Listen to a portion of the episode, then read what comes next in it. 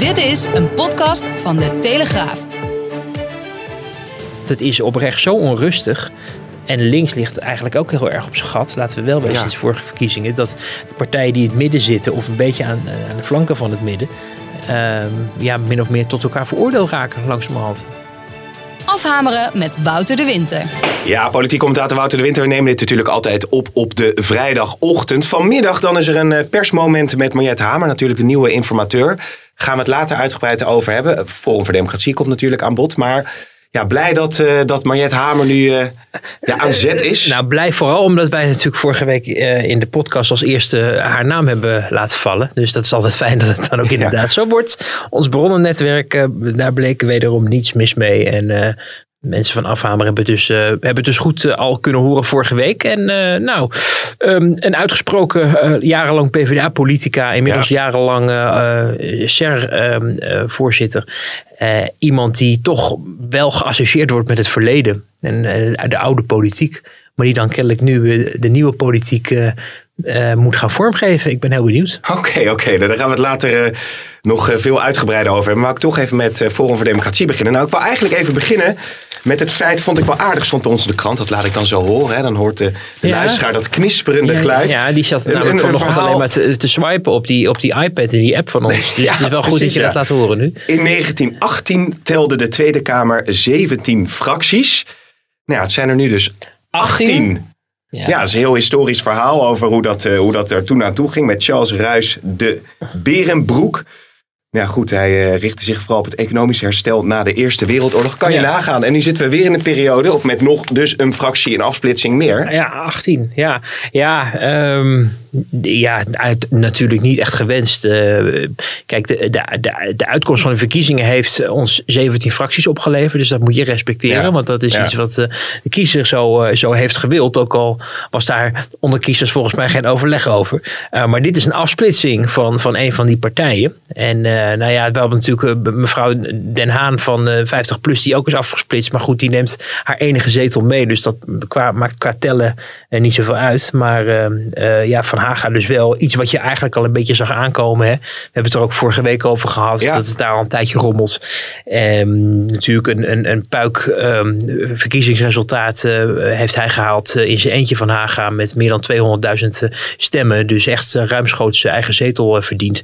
Eh, dat, dat maakt ook zelfbewust. Ik weet niet of het hem ook was gelukt als hij niet op de lijst van Forum had gestaan. En al die tijd als één pitter was gebleven. En in zijn eentje dan een soort verkiezingscampagne was gevoerd. Dus dan kom je toch wel een beetje uit bij waar ik gisteren ook die, die analyse voor, uh, voor had geschreven voor onze site. En die vanochtend ook in de krant stond. Namelijk dat opportunisme toch wel een beetje de constante is geworden Ja, bij, ja. bij Forum. Hè? Want uh, het is niet de eerste politicus, uh, en hij is trouwens niet de enige. Er gaan nog twee mensen met hem mee die zich nu afscheiden van Forum. Maar elke keer toch uh, op, het, op het ticket van Forum, op het ticket van Baudet, um, ja, momentum genereren, kiezers naar zich toe weten te trekken, populariteit weten te genereren, de spotlight op zich gevestigd weten te krijgen en er vervolgens van doorgaan.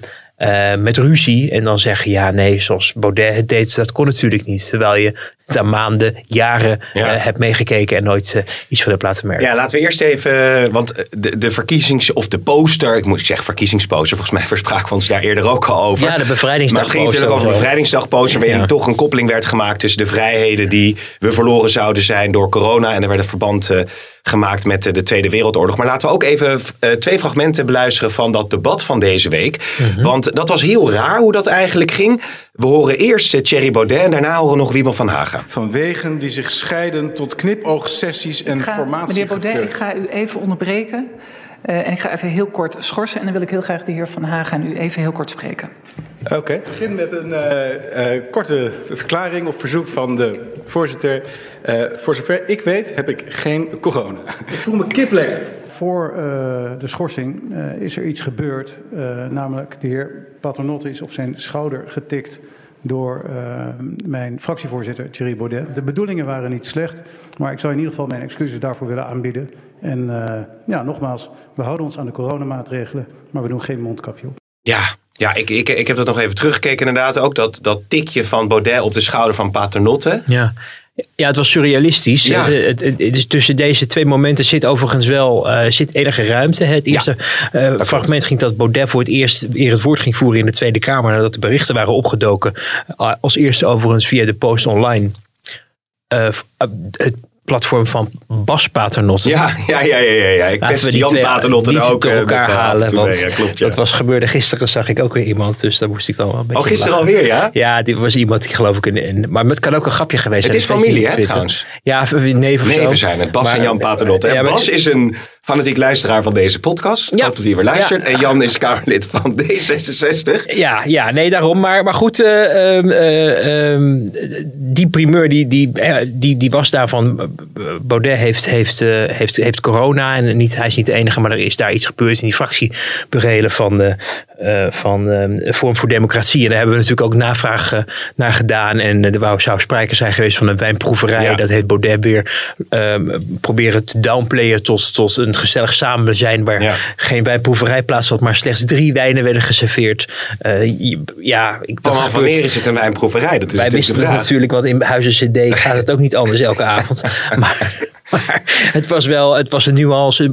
Drie wijnen en, en, en wat bruschetta's voor, eh, voor eh, mensen die ja, een soort, denk ik, toch een soort alternatieve café-setting hebben gemaakt. eh, daarvan. Iets wat overigens niet heel erg uniek is. niet eens zozeer in de Tweede Kamer, maar ik denk bij veel bedrijven natuurlijk ook als de horeca dicht is. En je, en je probeert toch enige saamhorigheid te creëren.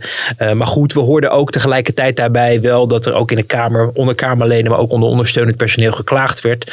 Het schijnt er, eh, nou, er wordt ook gerookt op die kamers al heel lang, wat niet mag. Hè? Je mag niet in het Kamergebouw roken. Er waren ooit nog rookruimtes, die zijn ook allemaal, allemaal Ja. eh, verwijderd. Nu zie je af en toe wat mensen voor de deur bij het plein eh, als, Ja. als, als dieven in de nacht. Net Ja. als vroeger bij Amerikaanse restaurants her- herinner ik me in Amerika dat mensen allemaal buiten gingen staan roken.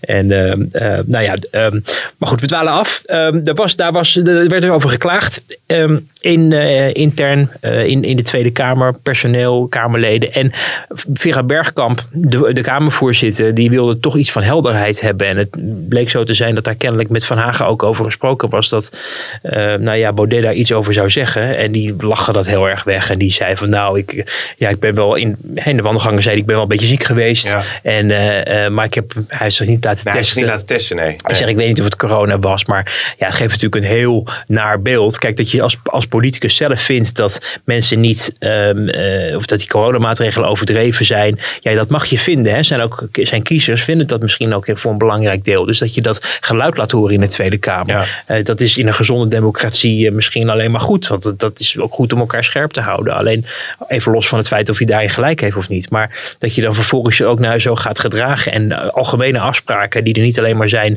voor jezelf. Maar ook om je collega's te beschermen. En ook vooral voor het Kamerpersoneel. Was er niet om vraagt om in, in, in de nek gehoest te worden door iemand die zich niet aan de coronamaatregelen houdt. Maar wel gewoon zijn werk moet doen. Ehm, en het is dus ook, en daar kwam dat tweede eh, fragment ook bij om de hoek kijken. Dat er dus een, een, een schouderklopje of een tikje op de rug tegen, tegen Jan Paternotte van D66 werd gedaan.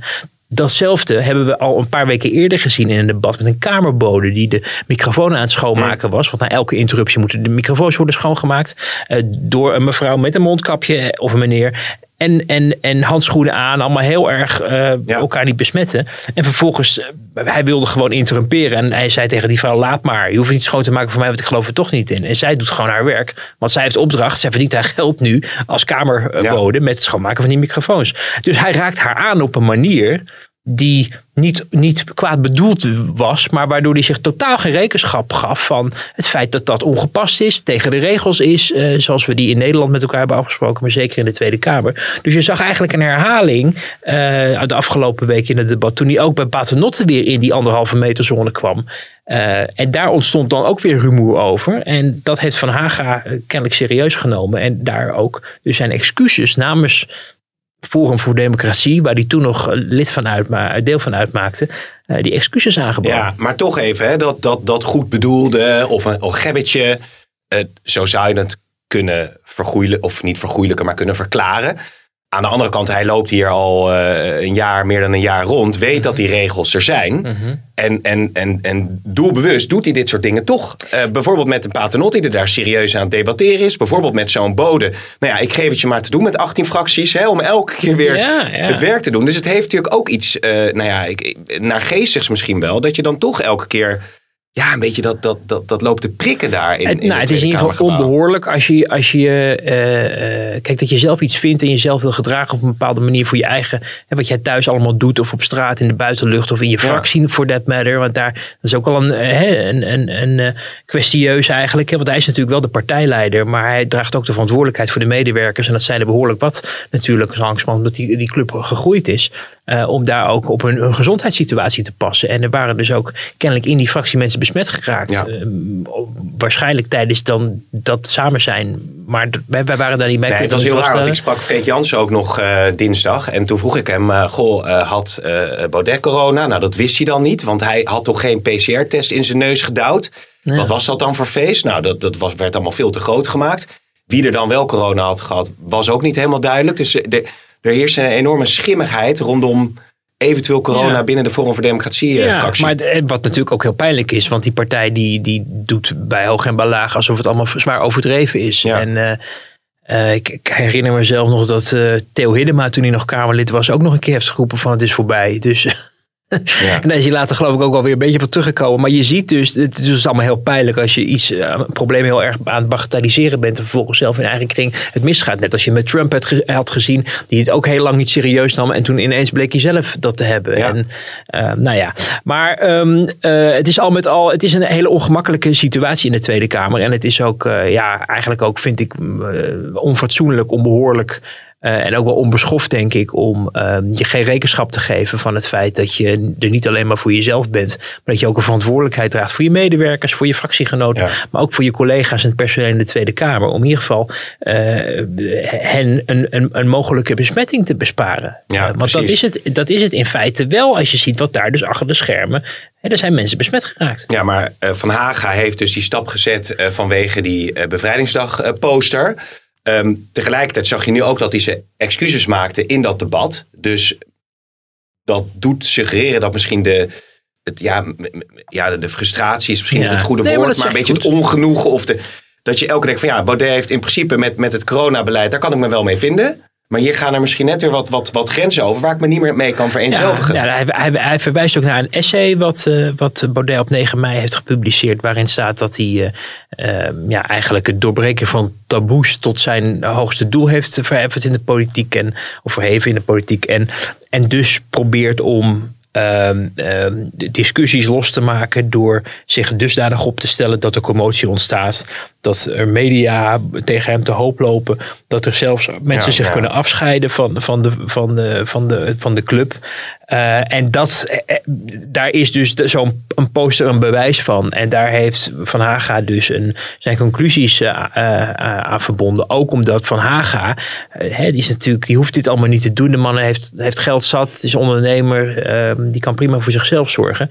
Maar wi- wil ook op enige manier wel gerespecteerd worden. Omdat hij zijn werk ook serieus probeert. Eh, hij heeft zo zijn eigen opvattingen en ook zijn eigen clashes met Hugo de Jonge over het coronabeleid. Hè, de, de, de, de vrijheidskaravaan van Forum voor Democratie, die dan door, eh, door de Jonge, eh, ja, wat was het ook alweer? De, de circuskaravaan of de Ja, dat kletskaravaan. was natuurlijk die, die, die, die clash ook over dat onverantwoorde gedrag. Wat ja, dat, zou maar, maar wel vanuit een eh, van dit is wat wij vinden en dit gaan wij uitdragen in de Tweede Kamer. Maar we dienen moties in en we proberen ja. ook het kabinet vragen te stellen en op andere gedachten te brengen. Dus eigenlijk het, toch het klassieke werk van een Kamerlid doen. Ja. Namelijk gewoon je werk doen in de, in de Kamer. Vergaderingen bijwonen, eh, wonen interrumperen en niet iedereen wegzetten als jullie zijn allemaal eh, een stelletje oelewappers. Nee, eh, eh, dit is wat wij vinden. Wij proberen daar de rest van te overtuigen. Of wij vinden het belangrijk dat het, dat, dat geluid gehoord wordt. En, maar het is wel een serieuze aanvliegroute van het politieke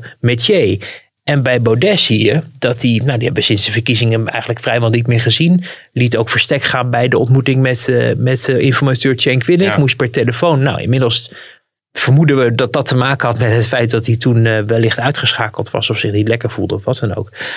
Maar vooral een, een, een, ja, zijn, zijn Kamerlidmaatschap invult via ja, wat ik in mijn analyse gisteren noemde, het, het, het in de arena werpen van stukken rood vlees, die ook even iets te lang buiten de koelkast hebben gelegen. Waardoor je ziet dat er een ja, soort niche market ontstaat waar mensen het prachtig vinden dat hij allemaal dingen roept en zegt. Net als wat we vorige week ook bespraken, Trump ook heel lang heeft gedaan. Maar als het gaat om het politieke handwerk, dat, doet, dat doet, heeft nou, Baudet nauwelijks gedaan de afgelopen jaren. Nee. En, en dat schuurt.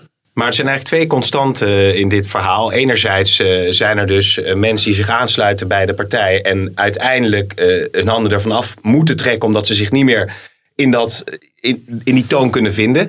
Aan de andere kant is het natuurlijk wel interessant dat Baudet er telkens weer in slaagt om een groot potentieel te bereiken. Natuurlijk eerst die enorm goede verkiezingsuitslag, maar nu ook toch weer acht zetels. Omdat dus hij een, een, een, een, een, gevoelige snaar raakte bij een deel van de samenleving mhm. over dat coronabeleid.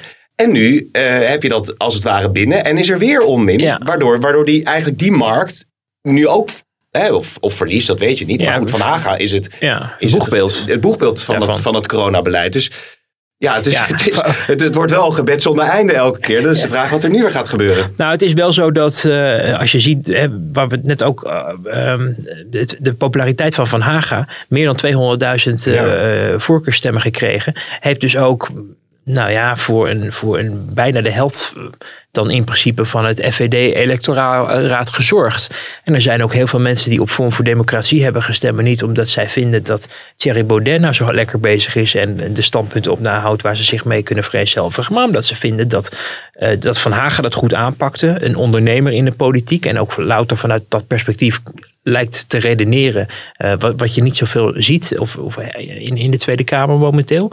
Uh, maar, maar ook, en dat hebben we in een van onze eerdere podcasts natuurlijk ook benoemd, dat er een, een enorm braakliggend terrein was tijdens deze verkiezingen over het coronabeleid. Omdat dat eigenlijk en masse is gesteund het afgelopen jaar door vrijwel de hele Kamer. Met uitzondering van uh, eh, eh, PVV en, en Vorm voor Democratie. En de PVV was af en toe nog wel eh, enigszins constructief en, en verdedigde ook het, het ja, zodra de maatregelen waren aangenomen, dat men zich er ook aan moesten houden. Omdat op het moment dat de regels zijn afgesproken zo, dan vindt de PVV dat, dat die dan gelden. En voor iedereen, ook al zijn ze het er misschien niet met alle maatregelen eens.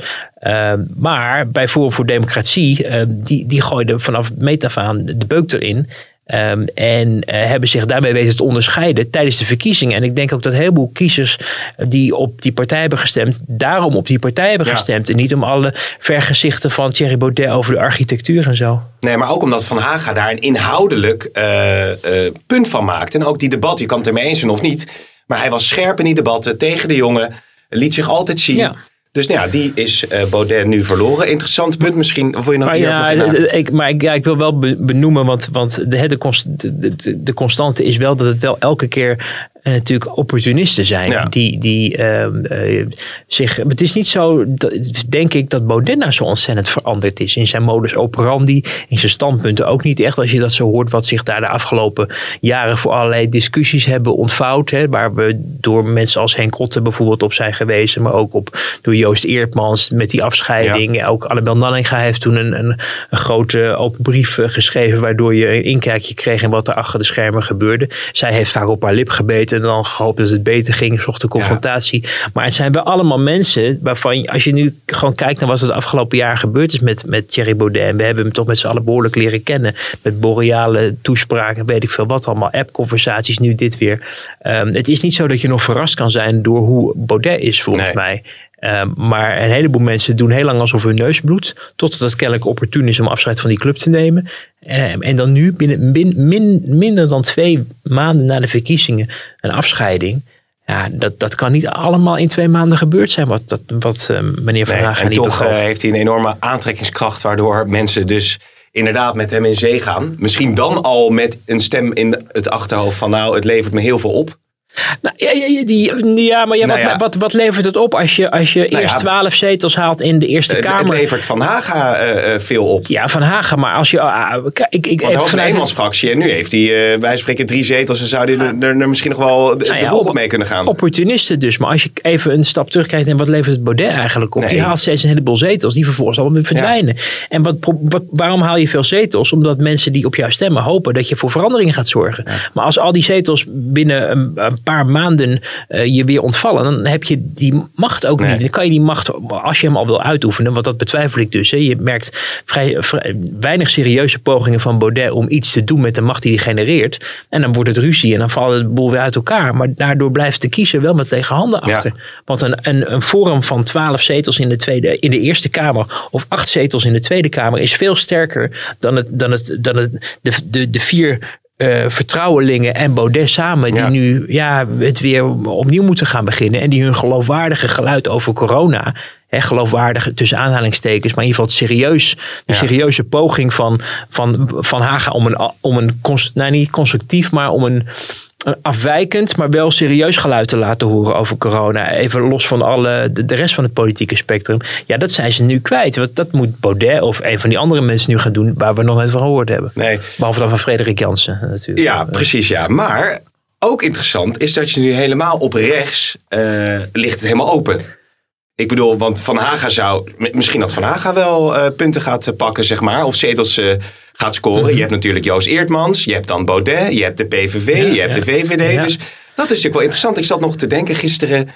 Ik was in mijn boerenbed. Nee, ik ben een paar dagen met het gezin naar een boerencamping. Maar daar zit ik dan ook. Het is je niet aan te, zien. Nee, precies.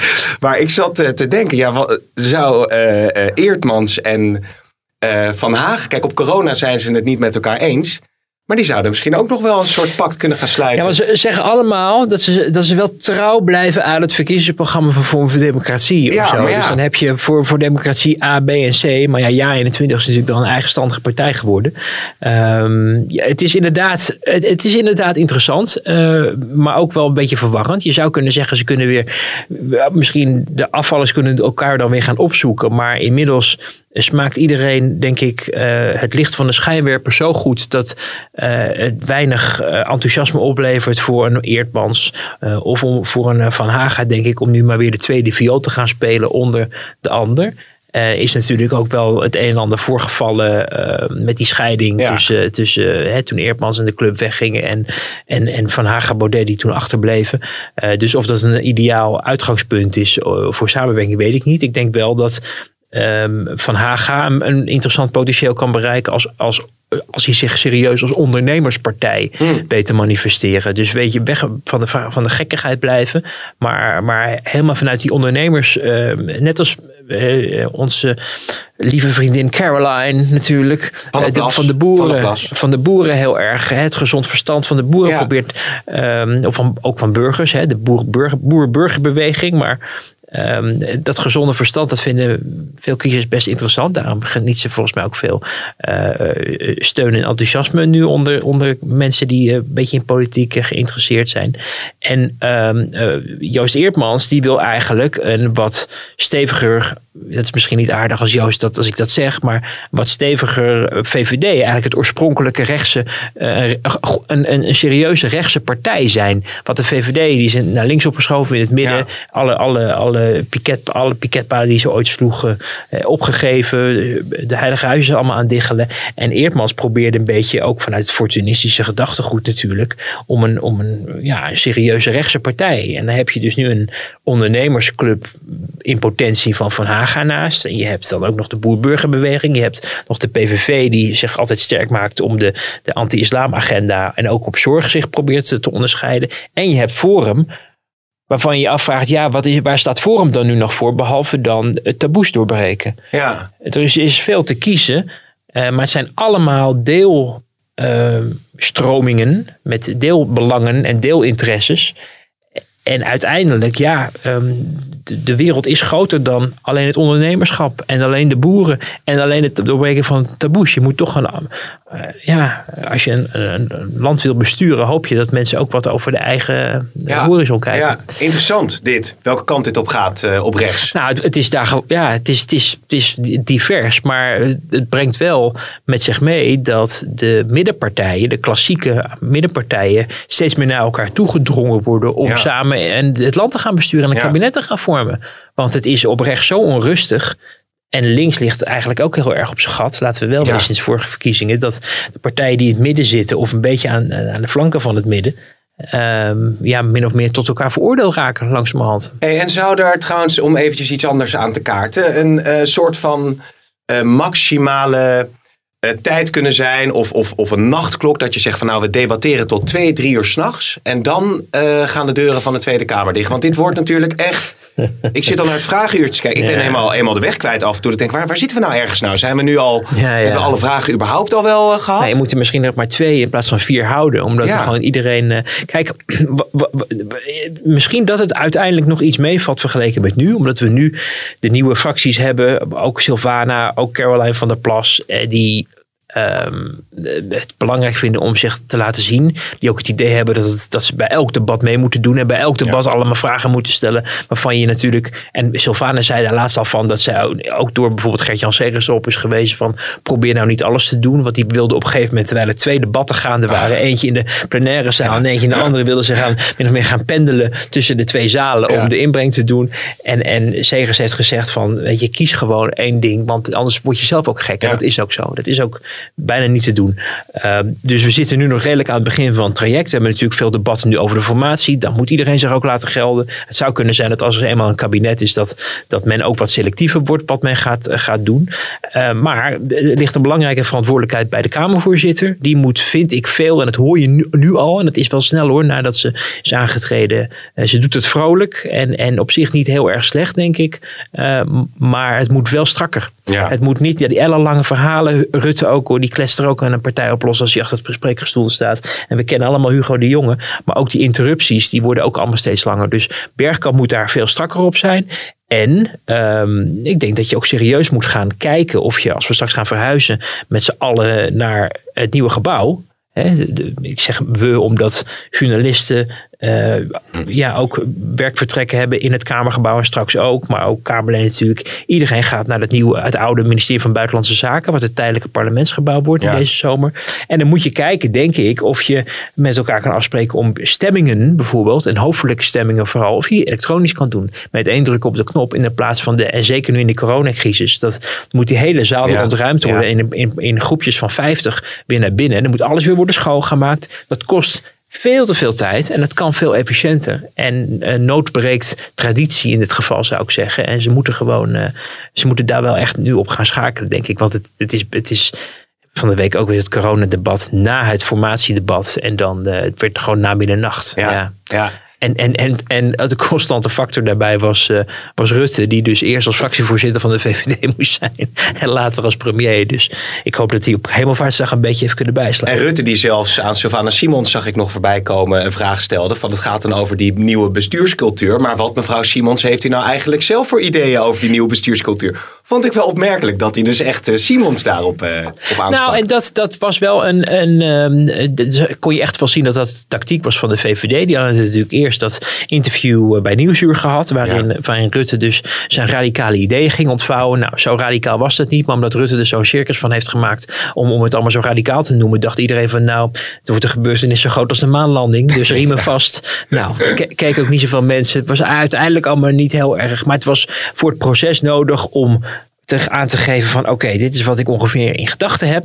En dan vervolgens heb je de mensen die zeggen het is allemaal niet goed, het moet anders. En dan denkt de VVD oké, maar dan mag iedereen ja. nu, die zo'n grote ja. mond heeft, nu aan mij gaan uitleggen waarom uh, of wat er dan aan een nieuwe bestuurscultuur nog meer zou moeten gebeuren. Wat hebben komen ze zelf met ideeën? Nou, toen kwam Sylvana dus uh, wel heel handig met een heel rijtje. Sylvana Simons. Ja, met, uh, ja sorry, Sylvana Simons. Ja, toch hè? Ja, dat nee, je hebt het ook over Caroline. Jij blijft er gewoon Ja, maar dit is het TMF-verleden. Hè? Wat vroeger, en Close to You natuurlijk, die leuke popgroep. Volgende week een fragmentje van laten Close horen. to You? Close to You. Ze zat toen met al die TMF-babes, zat ze in die uh, ja, met dat was in mijn, in mijn, in mijn middelbare schooltijd. Met Fabienne hè, van, de, van, het ijsblokje, van het ijsblokje. En uh, nou, die, net Tooske weet ik niet. Okay. Maar het ijsblokje weet je vast dan wel. Hè, als ik jou een beetje inschat. Hou op hoor. Oh, Close to you. We zoeken Close het to op. you. We gaan, ja. gaan, het, gaan het volgende week een stukje laten horen. Maar um, um, uh, daarom noem ik het steeds Sylvana. Maar zij, zij komt dus met een, vervolgens met een hele riedel van bijvoorbeeld het constitutioneel hof en zo. Iets wat overigens eerder uh, door de commissie Remkes aan uh, is geadviseerd in het kader van democratische vernieuwing. dus dat je wetten ook door een, door een hof laat toetsen vooraf. om ook te, te, kijken of ze aan de grondwet. Mm -hmm. Nou ja. maar um, ik viel me wel op dat zij daar een, een ze kijkt, dat, ze kijkt dan, de ene keer kijkt ze op haar telefoon of ze kijkt op haar iPad. En dan leest ze dat allemaal zo op. Dus de vraag van Rutte is, geeft dan jouw ideeën voor de, voor de andere bestuurscultuur. En ze kan een hele riedel enigszins uit het hoofd, maar ook enigszins vanaf haar schermpje lezen. Dat ik elke keer denk van, goh, toch bijzonder dat je dat allemaal hebt voorbereid op je schermpje. Dat, terwijl je dan ja, misschien gokte ze erop dat die vraag kwam. Maar of zit er iemand die misschien haar ook adviseert om, uh, om een beetje te ondersteunen. Want in je eentje is het natuurlijk ook wel zwaar. Uh, maar dat is ook iets nieuws. Hè. Tegenwoordig mag je ook met, met mobiele telefoons en, en iPads mag je dingen gaan oplezen. Dat, dat was tot een paar jaar geleden niet mogelijk. Maar ik dacht nu wel ineens van eigenlijk kan iedereen via een communicatiemiddel suggesties ja. direct doorgeven. Ja. Uh, real time in een debat, wat je vroeger natuurlijk niet had. En, en dan had je ook wel mensen, medewerkers die dan een briefje konden laten brengen. En dat konden het Kamerlid lezen. En die konden vervolgens met het briefje hè, van ik heb een goede vraag. Maar nu gebeurt het allemaal real time, terwijl ze het allemaal staat op te lezen van, van, uh, van de iPad en, uh, en, en van haar telefoon. En dat vond ik wel. Ik, het is eigenlijk voor het eerst dat ik dacht van, van oh, dat is ook wel handig. Maar dan dacht ook, het is ook wel heel spitsvondig als je een soort autocue hebt die... ja, de autocue die zal ze ook allemaal mee Ja, die, die beheersen heel goed. Ja, hè? Dus dat goed. Maar het is wel opvallend dat Rutte ook Sylvana Simons er zelfs op aansprak. Want we hebben het dus over die, die, die 18 fracties. Ja. Dat, nou, dan blijf je bezig. Als je op een gegeven moment. Ja, het zal tactisch misschien slim zijn geweest van Rutte en van de VVD. Om te zeggen, nou, wat is uw plan dan voor de nieuwe bestuurscultuur? Kan hij natuurlijk aan iedereen vragen. Ja, maar ook daar zit, neem ik aan, toch wel een grens aan. En toen bleek, bedoel, Sylvana had, had na de geriedel uh, voorbereid. Maar uh, die vraag werd ook aan uh, Lilianne Ploemen van de PvdA gesteld. En toen bleef het wel stil hoor. Dat vond ik wel, dat vond ik wel echt onthullend. Die kwam gewoon ja. met, met een soort verhaal van ja, um, um, nou we kunnen het hier wel eeuwig over nieuwe bestuurscultuur hebben. Maar waar het echt om gaat is dat we naar de problemen van de mensen kijken. En toen zei ze een aantal dingen die gewoon partijpolitieke punten waren die de PvdA belangrijk vindt uit het verkiezingsprogramma. Ja. En want dat, ze zei ook van ja, als, als, meneer, als, premier, als meneer Rutte uh, ons verkiezingsprogramma gelezen had, dan wist hij wat wij daarmee bedoelen. En vervolgens wauwelde ze een beetje weg over, ja, over dingen die de PvdA belangrijk vindt, maar die natuurlijk niet zoveel met, met nieuwe bestuurscultuur te maken hebben. Waardoor je ook eigenlijk al ziet dat het, de nieuwe bestuurscultuur uh, een soort algemeen ongrijpbaar uh, iets is geworden waar iedereen uh, uh, met, met vol overgave van roept dat ze, eruit, dat ze het belangrijk vinden en naar streven, maar niemand eigenlijk serieus weet wat je nou nee. echt concreet en breed zou moeten veranderen. Maar het is natuurlijk wel raar. Krijgen. Als je aan de ene kant, nou, we hebben allemaal dat, dat interview van Rutte gezien. Hè, de dag daarna mocht iedereen er vrij op schieten. Dus niemand vond het radicaal. Iedereen was eigenlijk teleurgesteld. Nou, ook Ploemen heeft dat ook gezegd. Ook plichtmatig natuurlijk. Maar dan weet je natuurlijk ook dat dat in het debat terug gaat komen van wat is dan eigenlijk uw plan voor de nieuwe bestuurscultuur? dus, ja. Dan, dus dan zou je zeggen dat binnen de fractie of met, met, je, met je PA dat je zegt van nou we gaan even met een goede, goede lijn komen. Vond ik ook. Waarin we iedereen eventjes uh, ja, maar dat geeft ook aan van dat de Kamer laten zien. Dat de keizer uiteindelijk geen kleren aan heeft. Hè? En dat we nu ook, uh, en ik vind dat we daar toch ook te weinig over is gegaan de afgelopen tijd. De verkiezingen zijn geweest. En die verkiezingen gingen niet over een nieuwe bestuurscultuur. Nee. En de winnaar van de verkiezingen heeft de verkiezingen gewonnen omdat het land uh, geen experimenten wilde, stabiliteit wilde. De, de nummer twee, hè, die dus de tweede plek haalde, D66, heeft dat gedaan met, uh, ik denk vooral met een visionair verhaal. Dus, dus uh, mensen dingen in het vooruitzicht stellen en dat op een, op een soevereine manier. en ook met ja, toch een origineel voorkomen ook. Hè. Ze heeft, Kaag heeft echt gezegd, ik wil geen campagne omdat ik vrouw ben. Uh, en dat tot inzet van de campagne maken. Maar ze onderscheiden zich natuurlijk gewoon in haar, ja, in haar zijn wel van al die mannen die we heel vaak hebben gezien uh, als het op, op het hoogste podium uh, ging. Dus zij heeft wat dat betreft wel, uh, ze heeft gewoon een goede campagne gedaan. D66 heeft een goede campagne gevoerd, maar die ging allemaal niet over de nieuwe bestuurscultuur. Want, want ook Kaag en ook CDA en ook ChristenUnie wisten toen natuurlijk al wat er allemaal in het kabinet was gebeurd en besproken ook over de toeslagaffaire. Vervolgens is de verkenningschaos losgebarsten met het uh, functie elders voor Pieter Omtzigt en heeft zich van Den Haag een soort navelstaarderig idee uh, meester gemaakt van dat is wat, waar we het nu over moeten hebben, terwijl de kiezer daar helemaal niet om gevraagd heeft. En um, nu zie je dus, nu we weer een paar weken verder zijn en iedereen eerst nog hey, vanaf de daken schreeuwt een nieuwe bestuurscultuur en het moet allemaal anders en geen vooroverleggen meer. Zitten we nu in een situatie dat ja, als we de boel afpellen, ja, wat willen we dan eigenlijk veranderen in Den Haag? En dan blijft het, vind ik, toch wel aardig stil hoor. Ja. En als het zich dan beperkt op, oké, we gaan geen coalitieoverleg meer voeren, maar we gaan voortaan in de ministerraad, die laten we 12 uur duren van 10 tot 10. En dan gaan we daar de politiek bedrijven. Ik wens je veel succes met vijf partijen straks, die niet met elkaar kennelijk mogen vooroverleggen. Is dus een totaal onhaalbaar idee, gaat ook niet gebeuren. Er blijven vooroverleggen zijn. Je hebt nog onderraden eerder in de week, daar, hebben, daar zijn mensen ook al in kleine gezelschap, hè, met een paar ministers die dan bepaalde eh, zaken voorbereiden. En meestal wordt wat daar besloten wordt door de ministerraad op vrijdag gewoon eigenlijk afgehamerd. hey, leuk titel. goed idee. Uh, en, en, en, en dus het, het, het, het is allemaal heel prachtig en leuk om daar een beetje over uh, te filosoferen over dat het allemaal anders moet. Maar je, en het is vaker ook geroepen en de praktijk leert dat dat ondanks de goede bedoelingen gewoon niet pragmatisch Nee. is. Dus het is gewoon zo plat dat de koep Rutte niet uh, gelukt is. Dat, dat, dat is dan eigenlijk dus de, de, de, de cynische conclusie na uh, twee maanden na de notitiegate. Ja, dat, dat, dat, Is, dat is wel wat je, denk ik, wat je langzamerhand mag uh, concluderen. Ook omdat je ziet dat uh, ook een partij als uh, GroenLinks van Jesse Klaver, maar ook D66 van Sigrid Kaag, min of meer hebben gezegd van, nou, daar zetten we langzamerhand maar eens een streep onder, want we moeten ook ja. verder. Dat besef van dat land zit te wachten op een landsbestuur is, is, ja, is, is wel groot. Overigens, die koep, laten we niet vergeten, Rutte heeft zelf ook aanleiding ja. gegeven. Hè? Als hij niet die uitspraak had gedaan toen van nee hoor, ik heb het er niet over gehad. Uh, dan was dit allemaal niet zo uit nee. de hand gelopen. Ja. Dus Rutte is zelf ook mede verantwoordelijk voor uh, het, het, ruimte bieden voor um, zijn potentiële ondergang. Wat ja. zoals het er nu naar uitziet niet gelukt is. Maar het was wel even spannend. Nou, laten we eventjes uh, doorgaan over de formatie nog. Want ja. anders wordt wel weer heel veel uh, bonusminuten. Um, inderdaad, Kaag en Klaver ook, die praten nog een beetje met, met ja, meel in de mond, zou je dat zo kunnen zeggen. Want het Klaver, het moet over de inhoud gaan, het moet over de inhoud gaan. Maar over de poppetjes willen ze absoluut nog niks zeggen. Eerst de inhoud. Nou, ja. Hamer die zei uh, het volgende. Uh, waar haar eerste woorden voor de pers? Ik denk dat het gewoon sowieso goed is om nu, hè, de Kamer heeft nu gezegd we gaan met de inhoud bezig. Nou, laten we dat dan ook gaan doen. Over het algemeen is mijn ervaring dat met de inhoud bezig zijn het allerleukste is in de politiek. Daar doen we het ook voor.